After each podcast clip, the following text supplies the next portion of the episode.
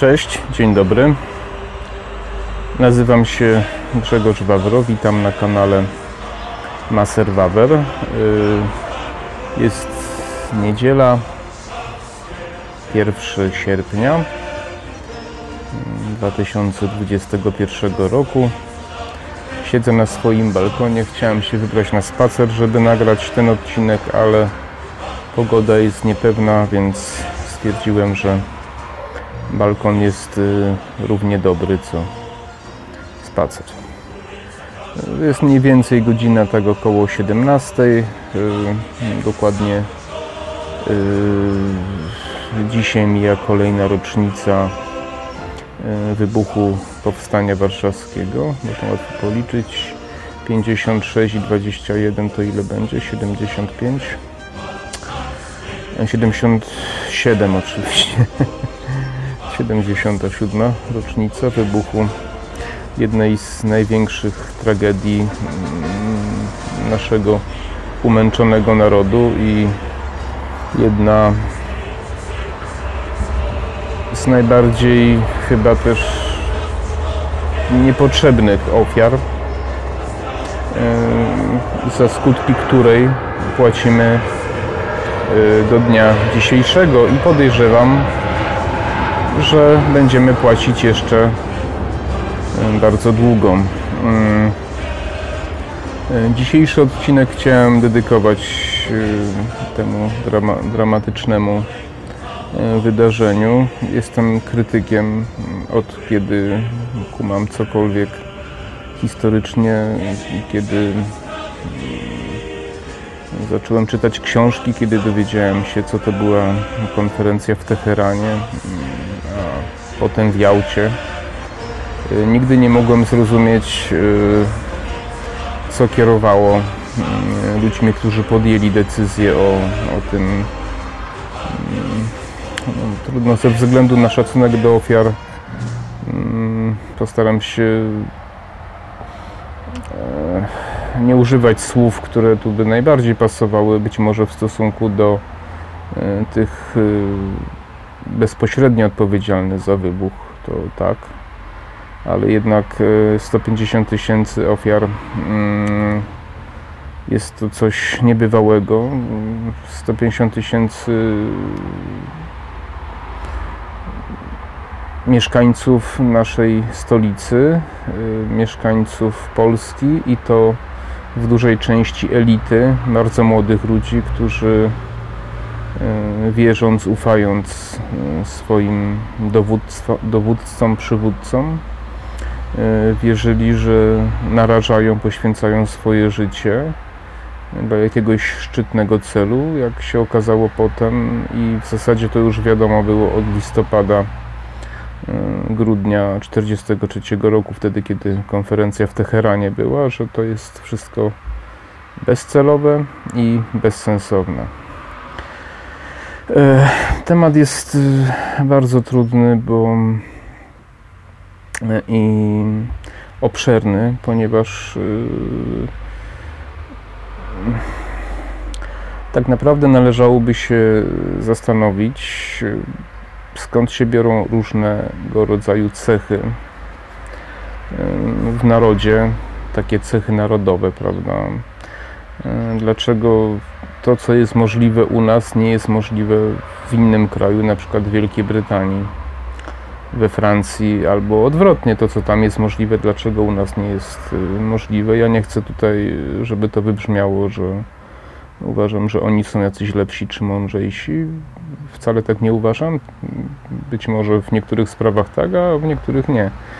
Natomiast chodzi mi o to, że z jakiegoś powodu ten czy inny naród w podobnych sytuacjach historii zachowuje się podobnie. No cóż, ja się zgadzam z osobami, które twierdzą, że powstanie warszawskie, decyzja o wybuchu i przebieg w ogóle całej tej akcji burza to jest konsekwencja jakby to powiedzieć, niewyleczenia się z romantyzmu, który w Polsce wystąpił w najgorszym możliwym wariancie. To miało ścisły związek z zaborami, z okupantami, z powstaniami naszymi przegranymi narodowymi i potem z dość nieoczekiwanym odzyskaniem niepodległości. I my tak naprawdę mm, tą swoją tożsamość narodową budowaliśmy no, niestety na Sienkiewiczu, na Mickiewiczu, yy, ponieważ przez 123 lata nie mieliśmy tej ciągłości narodowej i na czymś trzeba było ją zbudować, więc zbudowano to yy, na takich właśnie na takich y, kruchych podstawach. To znaczy, ja bym chciał też, żeby było jasne, że ja zarówno i Mickiewicza, i Sienkiewicza bardzo cenię i, e, i uważam, że w danym czasie to, co robili, to, co pisali, było bardzo na miejscu i, i spełniło swoją funkcję, natomiast nie przewidzieli, że będzie miało to takie konsekwencje w postaci heroicznej, bezsensownej y, walki i bezsensownego wykrwawiania e, naszego narodu, mm, co doprowadziło do kolejnej niestety 50-letniej niewoli, a teraz e, prawdę mówiąc uważam, że prowadzi nas do kolejnej, ale to może później. E,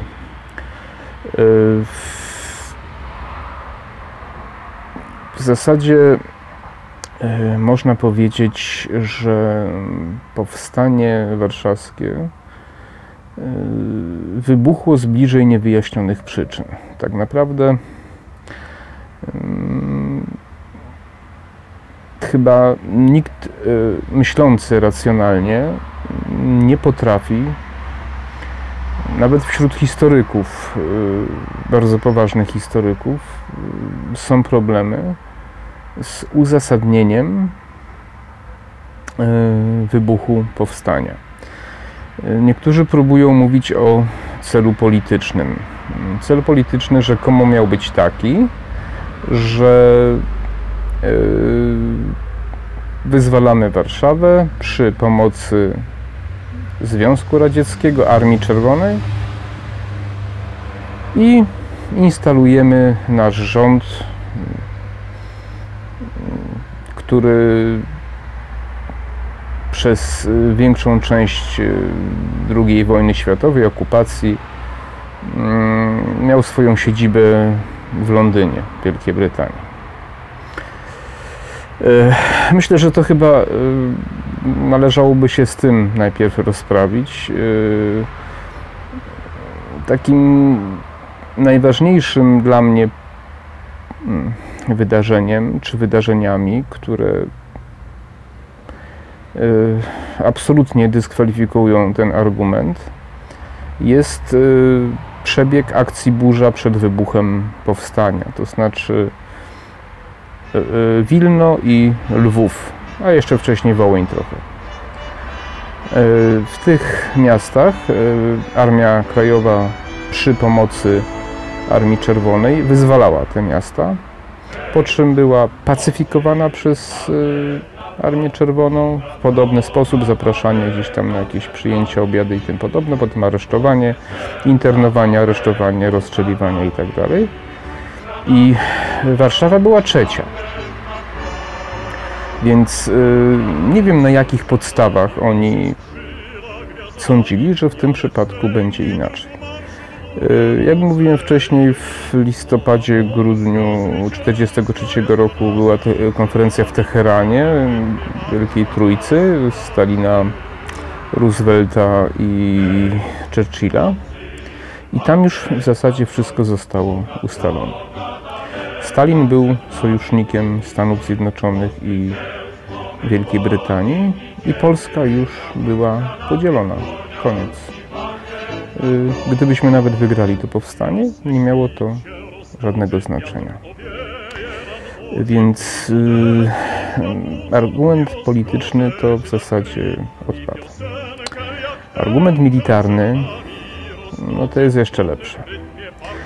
Ja jestem pod wrażeniem, kilka, dwa czy trzy lata temu przeczytałem, nie pamiętam, książki Piotra Zychowicza Obłęd 44. Niektórzy krytykują ten tytuł. Ja uważam, że jest niezwykle adekwatny do tego, co się wydarzyło. Rzeczywiście wyglądało to jak obłęd. E, I e, kiedy słucha się tego, kiedy czyta się, ja dzisiaj oglądałem e, taką rozmowę z Łukaszem Wyszkowskim, Wyszkowskim, tak, Łukaszem Wyszkowskim, historykiem, który specjalizuje się, zajmuje się w ogóle tematyką powstania warszawskiego. No nie tylko, ale to jakby głównie. Wiele książek napisał. I to, co oni opowiadają, to się w głowie nie mieści. Proszę sobie wyobrazić, że mm, na 20 tysięcy zmobilizowanych żołnierzy Armii Krajowej co siódmy miał jakąś broń. Broń palną. A za broń palną również uważano granat. Co siódmy to jest około 3000. E, I proszę sobie wyobrazić, że oni mieli w planach zająć wiele urzędów, ufortyfikowanych jednostek, więzień, różnych innych punktów strategicznych, również mosty, które były ufortyfikowane, zabezpieczone, umocnione w karabiny maszynowe, w zasieki, w druty kolczaste, w większości urzędów i, się, i, i, i, budynków strategicznych były pozakładane siatki w oknach uniemożliwiające rzucenie granatu na przykład do środka. E, I mało tego, wszyscy urzędnicy w zasadzie w tych punktach strategicznych poza, poza, poza, poza policją, poza wojskiem, poza oddziałami mieli broń, nierzadko broń maszynową, a prawie wszyscy mieli broń osobistą. E, I e, takie bardzo wstrząsające wrażenie zrobiło na mnie opowieść, zrobiła na mnie opowieść Piotra Zychowicza, który mówił, że jego chyba dziadek był jednym z dowódców takiego po prostu oddziału i mieli zdobyć jakiś taki urząd i ta jego drużyna tych chłopców nastoletnich nie miała w ogóle żadnej broni Y, dostarczono im jeden rewolwer uszkodzony i butelkę z benzyną czy z jakimś środkiem zapalającym chemicznym. Y, ten człowiek wykazał się niezwykle dużym rozsądkiem. Y, wycofał się, gdzieś tam przez jakieś lasy wyprowadził z Warszawy tych ludzi i dzięki temu oni przeżyli to powstanie. Yy, proszę sobie wyobrazić, że oni twierdzą, Piotr Zychowicz i Łukasz ten Myszkowski, że powstanie tak naprawdę zostało przegrane w ciągu pierwszego, pierwszej pół godziny. Yy, większość tych uzbrojonych w niezwykle prymitywną broń i Y, nieadekwatną do tego, jakie cele postawiono przed nimi, zginęła w tym pierwszym okresie po prostu. Tego oczywiście nie ma w oficjalnym przekazie, tego grzania, tego mitu, tego powstania, prawda, tych wszystkich wiecie, co mam na myśli, którzy próbują tłumaczyć, że powstanie musiało wybuchnąć, ponieważ y, było oczekiwanie społeczne, że nie dało się powstrzymać. To jest wszystko guzik, prawda? To są bajki, to są bzdury. Armia Krajowa była armią i działała na rozkaz. Nie było takiej możliwości, żeby, żeby samoistnie doprowadzili do czegoś tak nieprawdopodobnie bezsensownego po prostu. E, więc to są mity, które są przekazywane przez osoby, które chcą po prostu osiągnąć jakiś efekt polityczny na, e, na, na, na powstaniu. Natomiast y, nie ma to nic wspólnego z prawdą. Pierwszy miesiąc y, powstania warszawskiego e, to w zasadzie przy pacyfikacji powstania brały udział głównie siły policyjne, jakieś tam pojedyncze jednostki SS czy Wehrmachtu, które znajdowały się w Warszawie przed wybuchem tego powstania. Dopiero w drugim miesiącu dotarły jakieś oddziały, prawda, zaczęły się te masowe bombardowania i tak dalej, działa ciężkie i burzenie generalnie, czyli taka, taki, taka zemsta Hitlera za, za, za, za wybuch tego powstania. E, Niemcy w początkowym okresie stracili chyba 500 ludzi, natomiast e, my straciliśmy prawie wszystkich, którzy, którzy brali udział w pierwszym, w pierwszym, czyli tych kilka tysięcy w pierwszym tym okresie, w pierwszych tych walkach, w pierwszych tych, y, tych atakach. W całym powstaniu zginęło około 150 tysięcy ludności cywilnej i tam jeszcze parę tysięcy, ładnych parę tysięcy y, powstańców. Niemców zginęło 2000, około 2000. Czyli to tak zaokrąglając to jest 2000, y, to jest 1 do 10 mniej więcej, tak. No to, a, 1 do 100, przepraszam. 1 do 10. 1 do 100. E, więc, e, więc jest to coś niebywałego e, i, i efekt tego jest no, dramatyczny po prostu. Nie da się tego wytłumaczyć w żaden racjonalny sposób. Y, żadnych efektów nie osiągnięto, żadnych celów ani politycznych, ani militarnych nie osiągnięto poza dobiciem jednego pokolenia po pięciu latach okupacji i zniszczenia naszej, naszej stolicy. Bardzo ciekawy jest przebieg tego etapu przed powstaniem, to znaczy Burkomorowski, generał Burkomorowski był sceptykiem, ale jego tam, mówiąc szczerze, spacyfikowano, nie miał wiele do powiedzenia. E, jeden z przywódców Monter, który rzekomo widział czołgi gdzieś tam na Pradze, podjął taką, można powiedzieć, bezpośrednią, czy jego zdanie, jego słowo miało takie decydujące znaczenie. Okulicki, który, e, generał Okulicki, który po prostu nie chciał przyjmować argumentów tych e, rozsądniejszych dowódców, którzy mówili, że to się nie może udać i że to będzie rzeź i tragedia. On ich szantażował honorem, jakimiś takimi właśnie sienkiewiczowskimi tekstami o Y, o strachu, o tym, że się boją, o lęku, o, o, o, o tam jakiejś daninie krwi i tym podobnych bzdurach po prostu. E, więc y, mm, w zasadzie, w zasadzie było to nawet można powiedzieć wbrew, y, wbrew decyzjom rządu czy, czy, czy władzom właśnie w Londynie, bo tam była taka historia, że to powstanie miało być wyciszone, ale jednak nie zostało wyciszone. Oni trochę na własną rękę, ci dowódcy, którzy znajdowali się w Warszawie, y, podjęli tą decyzję i no i to powstanie wybuchło.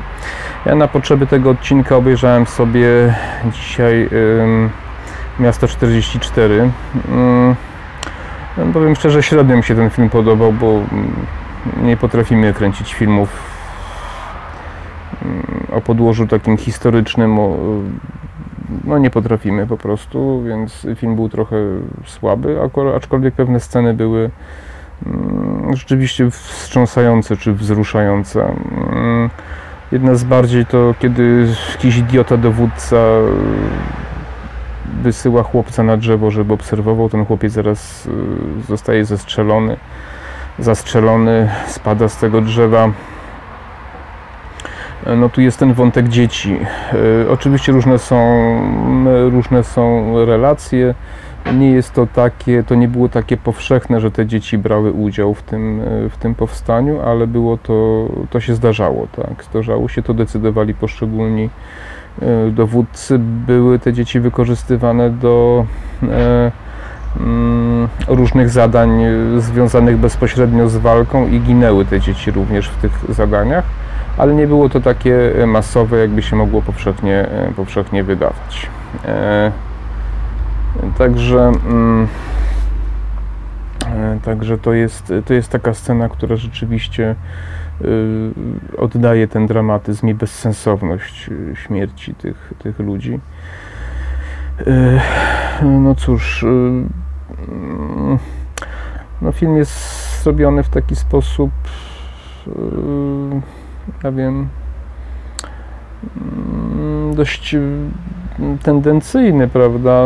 Natomiast w wielu scenach dość, myślę, że dość wiernie te, te sceny walki sceny, sceny śmierci są dość dobrze nagrane, bezsensownej śmierci, bo to, to mam oczywiście na myśli. Natomiast y, jedna rzecz mi się tam bardzo nie podobała, tam jest ta sytuacja y, z tym czołgiem niby pułapką, który tam około 200 czy 300 osób zginęło w wybuchu, to kto się interesuje historią, to wie, że Mm, powstańcy nie tyle zdobyli, co przyjęli czołg. E, był to czołg jakiś taki dziwny, nie za duży, no i nie zachowując odpowiedniej ostrożności, przetransportowali ten czołg gdzieś tam w jakieś miejsce i, i ten czołg wybuchł i, i zginęło mnóstwo ludzi. Przekonanie panuje takie, że była to pułapka, ale Łukasz Myszkowski, on e, napisał chyba książkę nawet na ten temat. I to nie był czołg pułapka, tylko to był czołg mm, stworzony do stawiania takich dużych min, które miały niszczyć jakieś trudne przeszkody w terenie i polegało to na tym, że on miał z przodu taką taką wielką bombę, prawdopodobnie jakiś walec i ten czołg miał podjechać, zostawić to, wycofać się i, i wtedy to wybuchało, prawda? I Prawda historyczna jest taka, że powstańcy nie wiedzieli, co mają. E, przetransportowali to tam w rejon e, chyba dowództwa w ogóle powstania i nikt nie zwrócił uwagi, czy może prawie nie zwrócił uwagi, że jest to coś dziwnego, bardzo dziwna konstrukcja i prawdopodobnie ktoś spowodował uwolnienie tej, tej bomby, czyli wyłożenie jej z, tych, z, tego, z, z, z, tej, z tej dźwigni, prawda, z tego mechanizmu transportującego. I to miało, to było tak robione, że to miało tam opóźniony zapłon, kilka minut prawdopodobnie na to, żeby ten czołg mógł się wycofać. No i to po prostu wybuchło i, i to jest cała tajemnica tej, tej wielkiej tragedii. No w filmie to nie zostało tak przedstawione, to rzeczywiście wyglądało bardziej jak taki duży Goliat mm, niż taki czołg i czołg y, stawiający miny. E, a najbardziej głupia scena to była scena, która e, pokazywała jak fragmenty ludzi, prawda? To jakaś taka mało mm, może i, i robiąca wrażenie, tylko niewiele mająca wspólnego z rzeczywistością, bo normalnie to tak nie wyglądało, bo, bo ci ludzie za, zostali zabici poprzez gigantyczny impet y, i, i, i to nie było tak, że szczątki ludzkie latały w powietrzu tam na setki metrów, tak jak zostało to mm, przedstawione w filmie, no ale rozumiem, że, że, że kino ma swoje prawa i no i to tak e, dlatego zostało zrobione, ale to taki techniczny tylko wtręt. E, generalnie mm, film oglądało się dość trudno. Mm, za dużo takich wątków, jakichś osobistych, moim zdaniem, które pewnie były, aczkolwiek moim zdaniem one są bardzo takie jakieś odrealnione, te wątki. Może dość dobrze przedstawiona była taka mm, bardziej prawdziwa ludzka natura, że jednak e, ludzie nie są tacy bohaterscy, że wpadają w panikę, że się boją, że tak naprawdę zależy im głównie, żeby przeżyć. I to dość dobrze w tym filmie zostało pokazane. Najbardziej taką refleksyjną sceną dla mnie to jest na początku filmu, kto oglądał to, to wie, kiedy to powstanie się zaczyna, tam jakieś pierwsze pozycje zdobyli i idzie ten tłum powstańców, taki tańczący, śpiewający, radosny, cieszący się tą ulicą, prawda? Taki tam obwieszeni bronią i tak dalej i, i już jakby wygrali to powstanie, prawda? I to, mm, to mi się wydaje, to oddaje taki trochę, mm, to oddaje taką naszą trochę naturę mm, naszego narodu w tamtym czasie i też chyba trochę teraz. Y, czyli takiej bezsensownej euforii bez powodu, a w zasadzie w sytuacjach y, dramatycznych, zagrożenia y, nieprawdopodobnego zachowujemy się jak psychicznie chorzy po prostu. Nie, nie potrafimy rozpoznać tego zagrożenia i za, za co płacimy najczęściej bardzo wysoką cenę, prawda? To jest dla mnie niebywałe, że państwo podziemne, jedno z największych na świecie w czasie II wojny światowej, miało tak fatalne rozpoznanie sytuacji po prostu. To jest niebywałe. 200 tysięcy, armia podziemna polska liczyła 200 tysięcy, miała swój wywiad, miała swoje szkoły, miała po prostu infrastrukturę, miała wszystko. I zrobiono coś tak niebywale głupiego, niemądrego w sposób, y, jakby to robił jakiś amator po prostu. Ja nie wiem, czy to się da mm, racjonalnie wytłumaczyć. Nie wydaje mi się. Natomiast no, ta scena, ona. Oglądnijcie sobie ten fragment i, i się zastanówcie, prawda? Czy, czy, czy to. Znaczy, to Wam czegoś nie przypomina, nawet może i w dzisiejszych czasach ludzi, którzy są ślepo zapatrzeni, wierzą, cieszą się, radują sytuacjami, które tak naprawdę są dla nas śmiertelnym mm, zagrożeniem, ale potem o tym powiem mm, później. E, wracając do, y, do tego powstania, no film warto zobaczyć, kto nie widział, warto zobaczyć. Natomiast no, trzeba mieć dystans nie? Do, do, mm, do tego. E, cóż, no, z powstaniem łączy się jeszcze jedno takie wydarzenie, czyli rzeź, e, rzeź na woli, tam Niemcy w ramach odwetu na, w początkowych dniach powstania zabili około 30 tysięcy ludności cywilnej, po prostu masowo wyprowadzali, mordowali, rozstrzeliwali. E, I mm, to jakby pokazuje też to znaczy inaczej powiem. Y, wielu y, wini y, powstańców za to. Właśnie za to, że sprowokowali Niemców. Oczywiście ja bym tego tak nie powiedział, bo Niemcy to Niemcy. Po pięciu latach okupacji no wiadomo było czego się spodziewać, prawda? I i w zasadzie no nie można złych czynów kogoś usprawiedliwiać jakąś decyzją kogoś tam innego. Na, ten, na pewno pośrednio przyczyną jest wybuch powstania. Natomiast uważam, że nie należy w ten sposób zdejmować odpowiedzialności z tych prawdziwych oprawców, czyli z Niemców, naszych zachodnich sąsiadów, którzy yy, przez tych yy, 6 lat okupacji wymordowali nas 6 y, milionów, nie? pamiętajmy o tym. Y, rzeź na woli była czymś niezwykle dramatycznym, bo, bo to w zasadzie było ludobójstwo. Nie?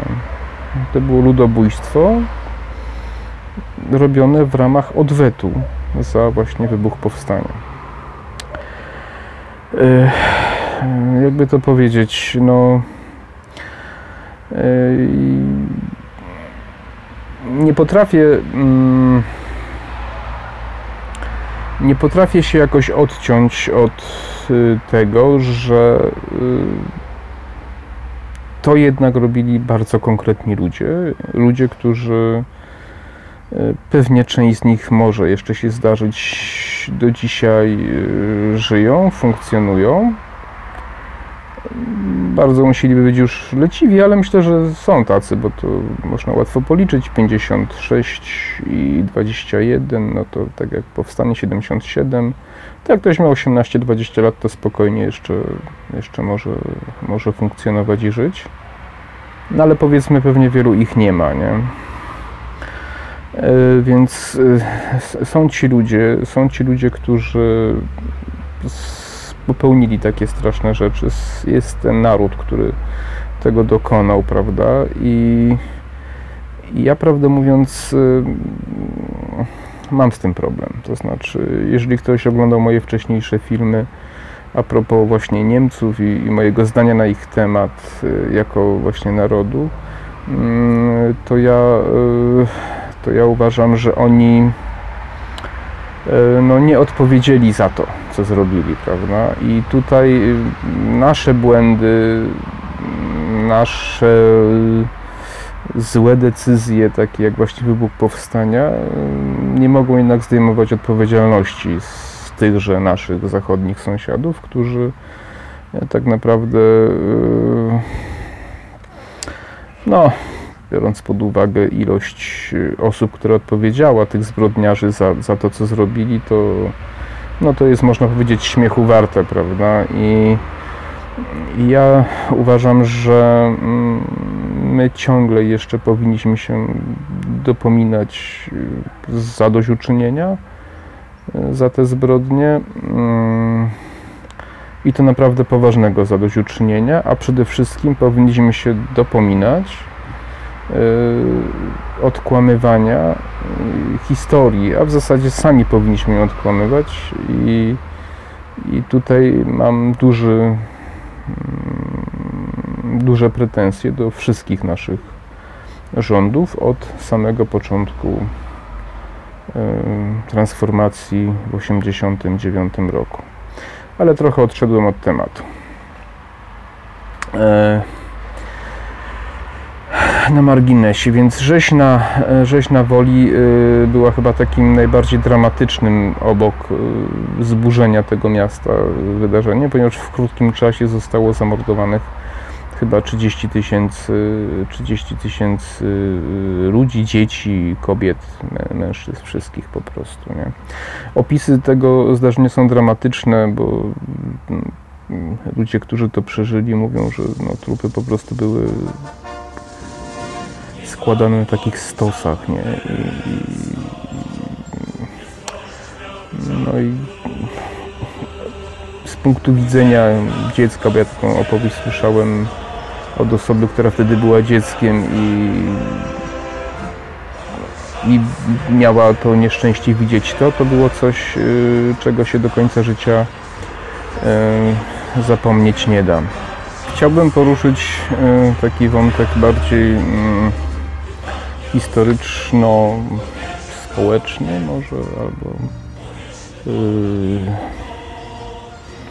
związany z konsekwencjami tego, co, co się wtedy wydarzyło, bo yy, pewno większość z Was sobie zdaje sprawę, że efekty, skutki pewnych błędnych działań no, są odłożone w czasie często i to w sposób nieprzewidywalny, na przykład yy, Paweł Jasienica twierdził, że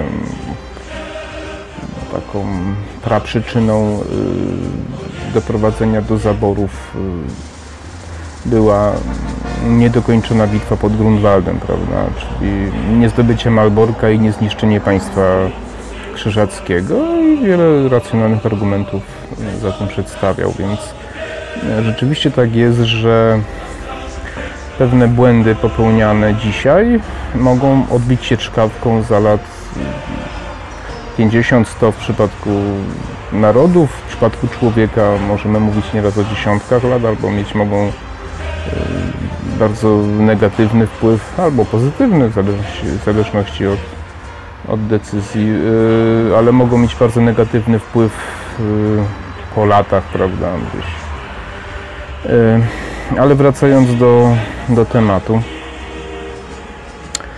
No niestety mieliśmy pecha, jak to Muniek Staszczyk śpiewał, że Hitler i Stalin zrobili co swoje, e, to znaczy zrobili rzeczywiście e, celem, celem zarówno jednego, jak i drugiego naszego najeźdźcy, oprawcy było e, wyniszczenie takiej najbardziej wartościowej tkanki intelektualnej naszego kraju można wiele zarzucić elitom naszym jeszcze z czasów przedwojennych, sanacja i tak dalej, ale to też były trochę grzechy mm, tego odzyskania niepodległości. Myśmy musieli się uczyć na nowo pewnych rzeczy, e, rządzenia, samorządzenia się e, i mm, no i, pewnie, no i pewnie wiele błędów popełniliśmy, tylko też musimy zwrócić uwagę, że wtedy takie ustroje były czymś bardzo powszechnym tutaj w Europie, nie tylko również na świecie.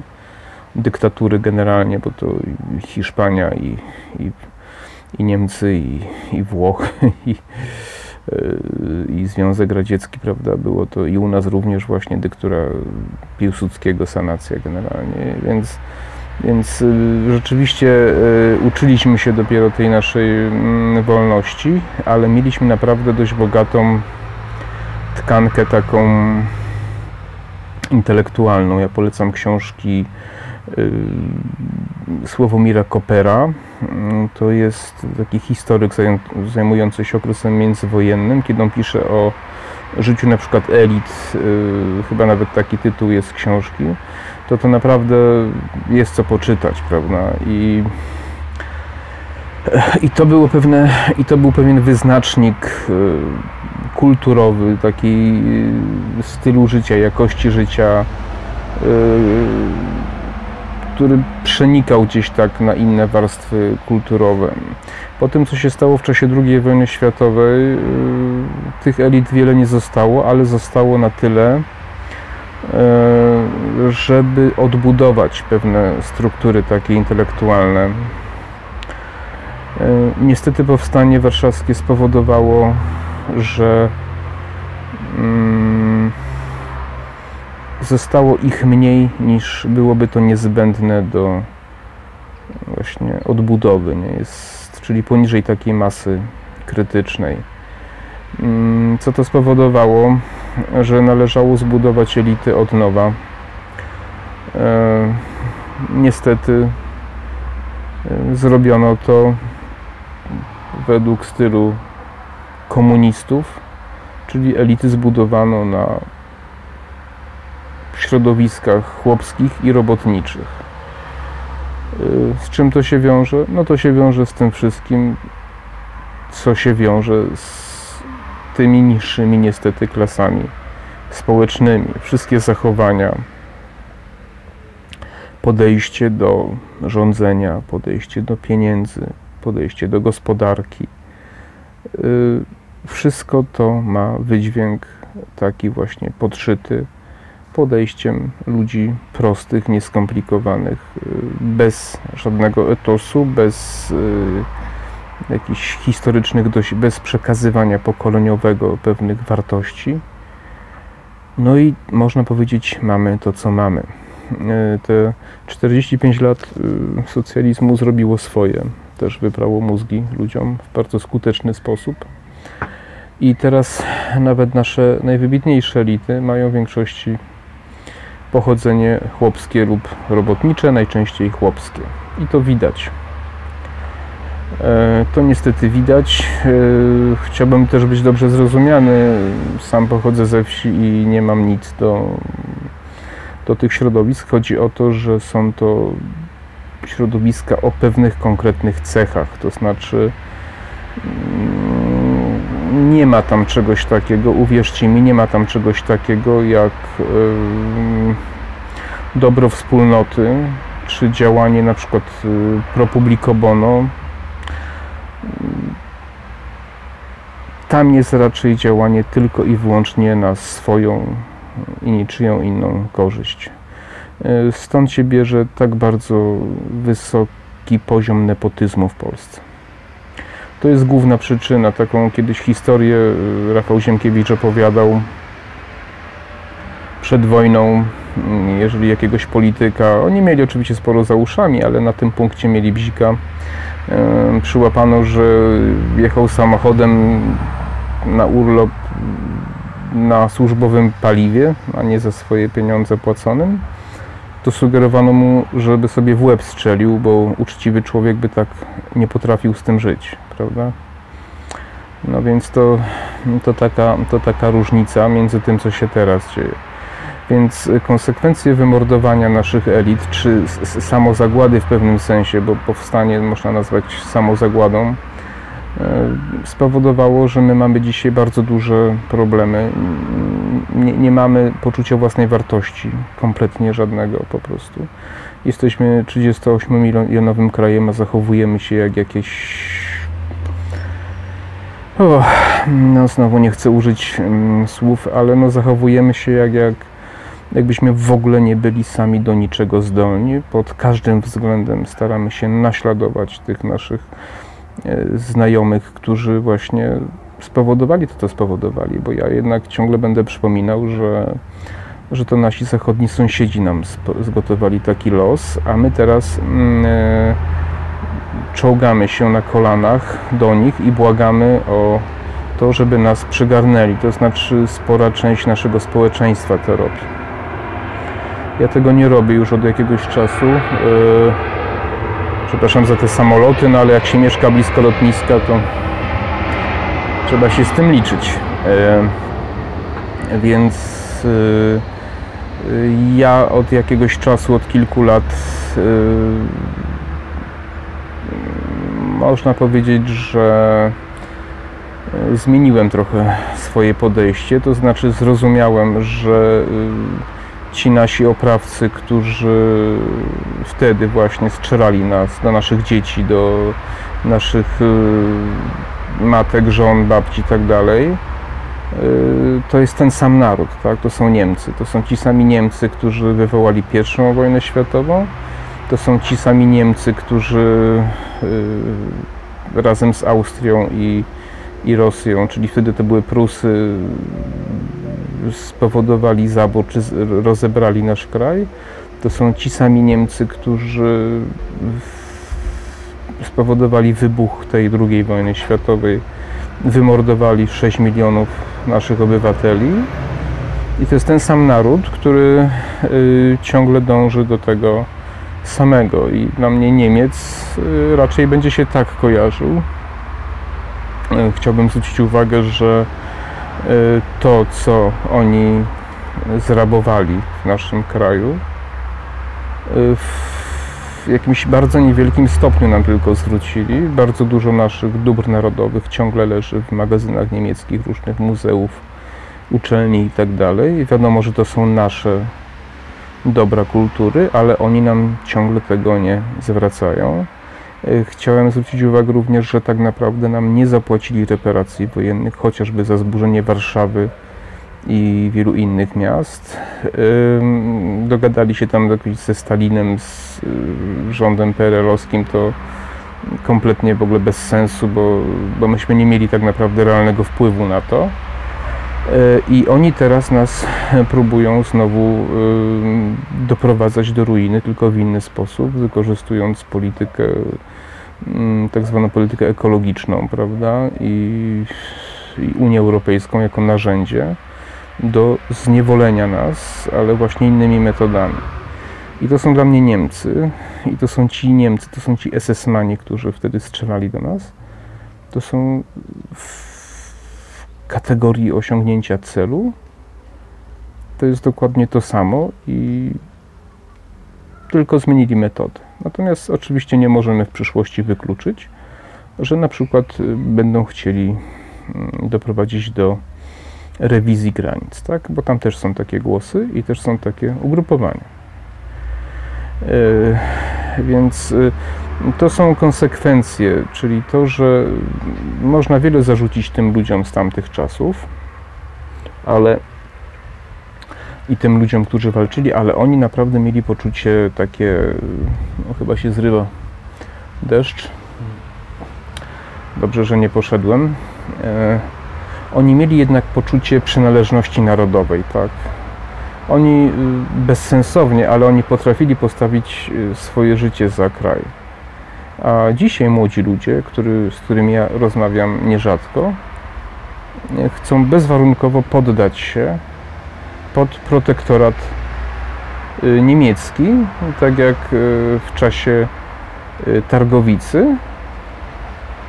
y, nasza szlachta poddała się pod władanie caryce Katarzyny. I to jest smutne, bo jeżeli jakąkolwiek wartość miałoby mieć, y, miałoby mieć to powstanie, to chociaż taką, że będziemy szanować naszą niepodległość i suwerenność. Więc ja bym chciał zadać wszystkim zwolennikom y, wspólnoty tak zwanej europejskiej, y, czy wy naprawdę nie macie z tym problemu? Że kiedyś ludzie wierzyli, że warto ginąć za naszą niepodległość, a wy teraz jesteście gotowi bez mrugnięcia okiem oddać tą suwerenność po prostu tym, którzy wtedy nas właśnie mordowali i jeszcze pewnie wielu z nich do dzisiaj żyje. Po prostu się zastanówcie. Tak, trudny temat. Ja bym yy, pewnie będę zmierzał powoli do końca.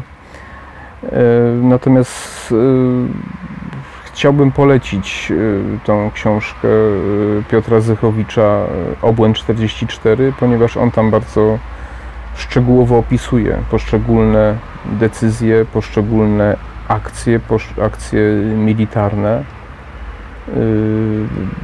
Y, bardzo książka taka wartościowa, fakty historyczne, cytaty, dokumenty, y, których y, ja mam problem, ja nie mogę sobie ściągi robić ze względu na wzrok, także przepraszam, że mało szczegółów podałem, ale mm, ale ta książka na pewno Wam pokaże cały kontekst i bezsensowność właśnie tego, tego straszliwego wydarzenia. Prawda? Chciałbym jeszcze y, powiedzieć y, na koniec, że przez y, złe decyzje, począwszy od no, mniej więcej 1938 roku, kiedy to uważam podjęliśmy bardzo złą decyzję, rezygnując z sojuszu z Niemcami. Ciąg bardzo złych, błędnych decyzji do powstania warszawskiego włącznie i również y, y, bitwą pod Monte Cassino to też jest temat na inny odcinek. Y, przez te wszystkie błędy myśmy stracili wszystko to, co mogliśmy stracić. To znaczy, II wojna światowa pokazuje, że może się tak zdarzyć, że ktoś, w tym przypadku Polska, popełnia wszystkie możliwe błędy i traci wszystko to, co stracić mogła. Chciałbym, żeby to wybrzmiało w kontekście dzisiejszych wydarzeń, w kontekście wtedy było 20 lat, teraz 30 lat. Yy, po odzyskaniu po raz kolejny niepodległości, Y, czy my teraz, y, właśnie w tym kontekście, czy my teraz nie tracimy, nie popełniamy znowu tych samych błędów, tak? To znaczy, czy nasze decyzje związane z y, uczestnictwem w chorych projektach czwartej Rzeszy, tak to nazwę, nie doprowadzamy po raz kolejny do zniszczenia formalnego zniszczenia i praktycznego również zniszczenia naszego narodu, do całkowitego zdemoralizowania naszego państwa, do zniszczenia takiego poczucia przynależności narodowej, to na tym właśnie zależy, tym naszym tak zwanym przyjaciołom i korporacjom międzynarodowym czy my po raz kolejny nie pakujemy się w coś, czego nie będzie można odkręcić, bo prędzej czy później zorientujemy się, że brniemy w szaleństwo.